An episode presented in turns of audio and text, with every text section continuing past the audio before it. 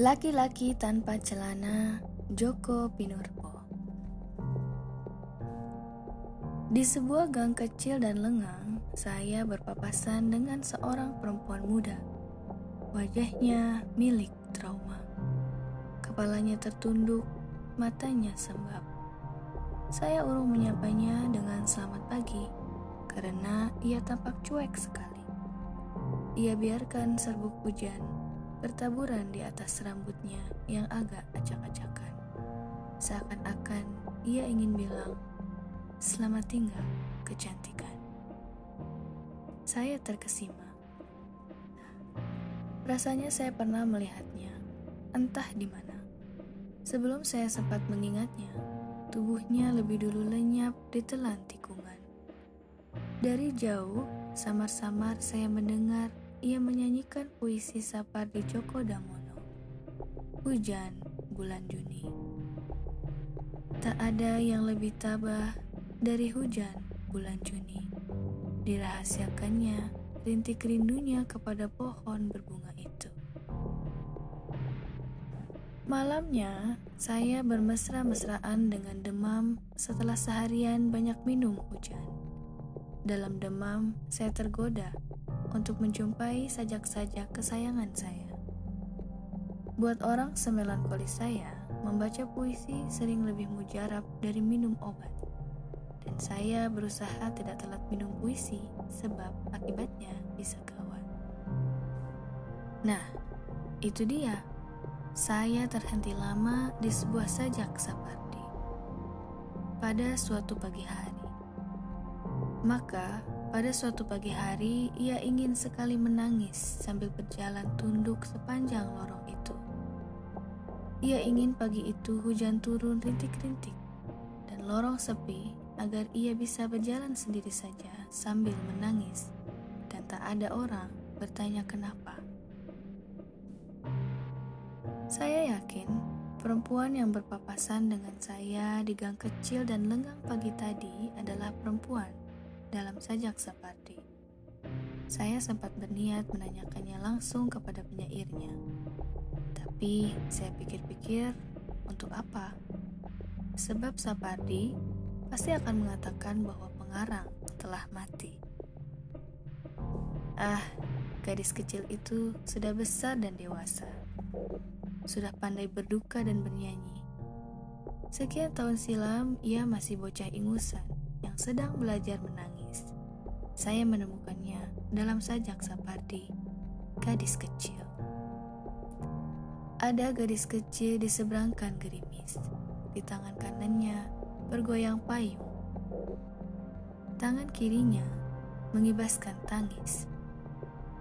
Di pinggir padang ada pohon dan seekor Atas nasihat seorang teman, akhirnya saya jadi mengontrak sebuah rumah di dekat sungai. Banyak orang heran mengapa saya mau menempati rumah itu. Mereka bilang rumah itu angker, ada jinnya. Memang setiap orang yang pernah tinggal di situ cuma tahan sebentar, lalu pergi mencari rumah kontrakan lain yang lebih aman. Konon, rumah itu ditunggui seorang laki-laki tanpa celana suka muncul malam-malam ketika penghuninya terjaga. Ia paling suka menghadang orang yang sedang pergi ke kamar mandi. Oleh seorang penyair, saya disarankan untuk cepat-cepat baca puisi bila ia datang. Maka, setelah mengucapkan, Terima kasih Nona, ia akan segera menghilang. Beberapa bulan tinggal di rumah itu, saya tidak pernah mendapat gangguan apa-apa selain ngeong, kucing, dan cericit tikus yang membuat keheningan terasa makin menggema sehingga saya bisa dengan tenang menulis novel yang sudah lama saya idam-idamkan. Kecurigaan baru muncul ketika suatu hari saya jatuh sakit. Dalam sakit, saya sering mendengar suara orang batuk-batuk di kamar mandi, disertai jeritan. Sakit, Jenderal. Suatu malam, ketika sedang terhuyung-huyung ke kamar mandi untuk membuang sakit, saya dihadang seorang laki-laki tanpa celana dengan darah menetes dari batang kelaminnya. Seketika saya ucapkan baris-baris puisi Sapardi. Aku ingin mencintaimu dengan sederhana, dengan kata yang tak sempat diucapkan api kepada kayu yang menjadikannya. Saya tatap dengan mesra wajahnya yang meringis kesakitan dan ia pun segera menghilang. Saat itulah samar-samar saya melihat bayangan wajah ayah saya yang pada suatu malam dijemput beberapa orang tak dikenal berwajah seram dan sejak itu saya tak pernah lagi melihatnya. Saya mengingatnya sayup-sayup saja karena waktu itu saya baru enam tahun. Konon ayah saya seorang penyair pemberani. Meskipun karyanya biasa-biasa saja. Saya tak tahu bagaimana persisnya. Tapi saya pernah mendengar cerita orang-orang tentang seniman dan demonstran yang diculik, kemudian disiksa, bahkan konon ada yang dikerat kemaluannya. Sebagai seorang petualang yang dirundung berbagai rasa penasaran, saya sering menyempatkan diri menelusuri jejak. Belakangan saya tahu bahwa ia tinggal sendirian di sebuah rumah angker di pinggir sungai. Saya sering pura-pura lewat di depan rumahnya hanya untuk memastikan bahwa ia memang tinggal di sana. Kadang saya melihat ia berdiri lama di depan jendela, bercakap-cakap dengan senja. Saya memutuskan untuk menemui perempuan misterius itu karena ada hal penting yang ingin saya tanyakan. Saat itu sedang berlangsung demonstrasi besar-besaran menentang kenaikan harga bahan bakar minyak yang diikuti dengan merosotnya harga manusia. Saya melihatnya di tengah kerumunan demonstran sedang mengacung-acungkan tangan sambil meneriakkan kata-kata yang tidak bisa saya dengar dengan jelas. Saya mendekatinya dan mengajaknya ke tempat yang agak sepi. Nona, sepertinya saya pernah melihat Nona dalam sajak Sapardi pada suatu pagi hari. Ia tampak bingung dan tidak mengerti apa yang saya katakan. Mengapa pagi itu mata Nona kelihatan sembab? Nona tampak sangat berduka. Sepertinya Nona baru pulang dari pemakaman. Siapa yang meninggal, Nona? Ia tampak makin bingung dan mulai curiga dengan kesehatan jiwa saya. Setelah minta maaf kalau-kalau kelakuan saya telah melukai perasaannya, saya katakan bahwa Sapardi titip salam untuknya. Padahal cuma akal-akalan saya saja. Sapardi? Pangeran dari mana dia? Saya nggak kenal tuh. Tanpa permisi, cepat-cepat saya tinggalkan dia.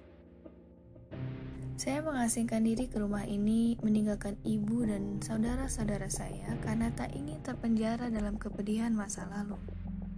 Toh, setiap akhir bulan saya sempatkan pulang ke rumah ibu, menghirup kehangatan dan kedamaiannya.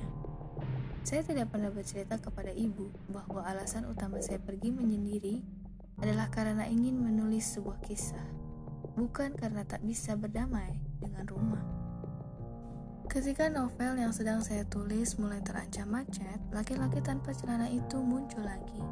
Ia sering datang tengah malam ketika saya sudah lelap di pembaringan.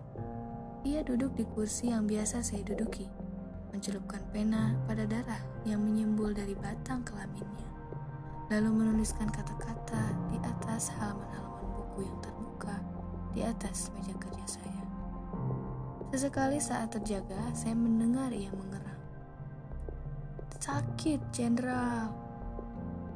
Ah, laki-laki tanpa celana itu dengan caranya sendiri telah membantu saya menyelesaikan novel saya. Banyak orang heran bagaimana mungkin perempuan selembut saya, padahal sebenarnya saya agak bawel dan keras kepala, bisa betah dan tenang-tenang saja tinggal di rumah terpencil yang menurut mereka sangat menakutkan. Mereka kemudian menyebut saya perempuan sakti karena dianggap mampu mengusir jin laki-laki tanpa celana yang konon sudah mengganggu banyak orang. Oh ya, tentu saja saya tahu bahwa laki-laki yang berpapasan dengan saya di gang kecil dan lengang itu diam-diam suka memantau keberadaan saya. Dia sering mencari-cari kesempatan hanya untuk memperhatikan atau minta perhatian saya. Seperti kurang kerjaan saja. Jangan-jangan dia naksir saya, tapi tidak berani atau malu mengatakannya. Gombal ah. Setelah beberapa lama tidak mengikuti jejak perempuan itu, tiba-tiba saya mendapat undangan untuk menghadiri malam peluncuran novel perdananya, Laki-laki Tanpa Celana.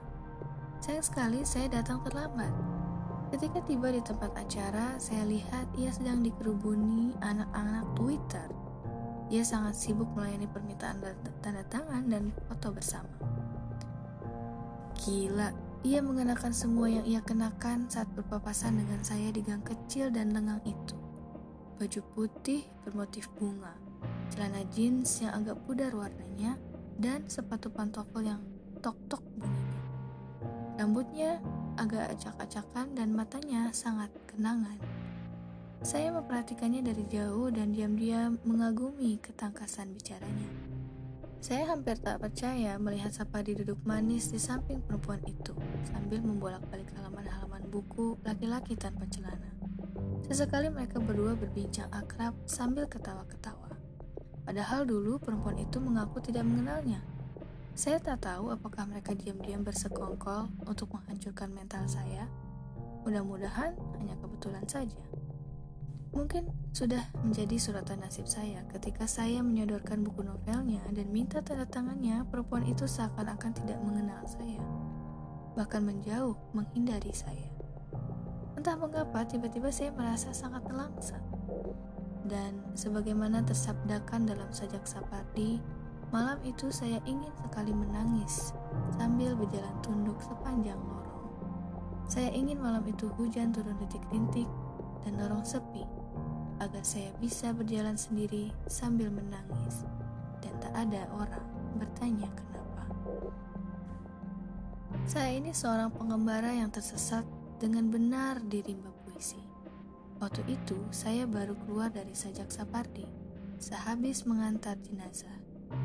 Dari kejauhan, saya melihat seorang gadis kecil yang akan diseberangkan gerimis. Ia menangis. Saya buru-buru mendatanginya dan memberinya payung. Sampai di seberang, ia menoleh dan memandang iba kepada saya. Saya melambaikan tangan. Ia melambaikan kesedihan.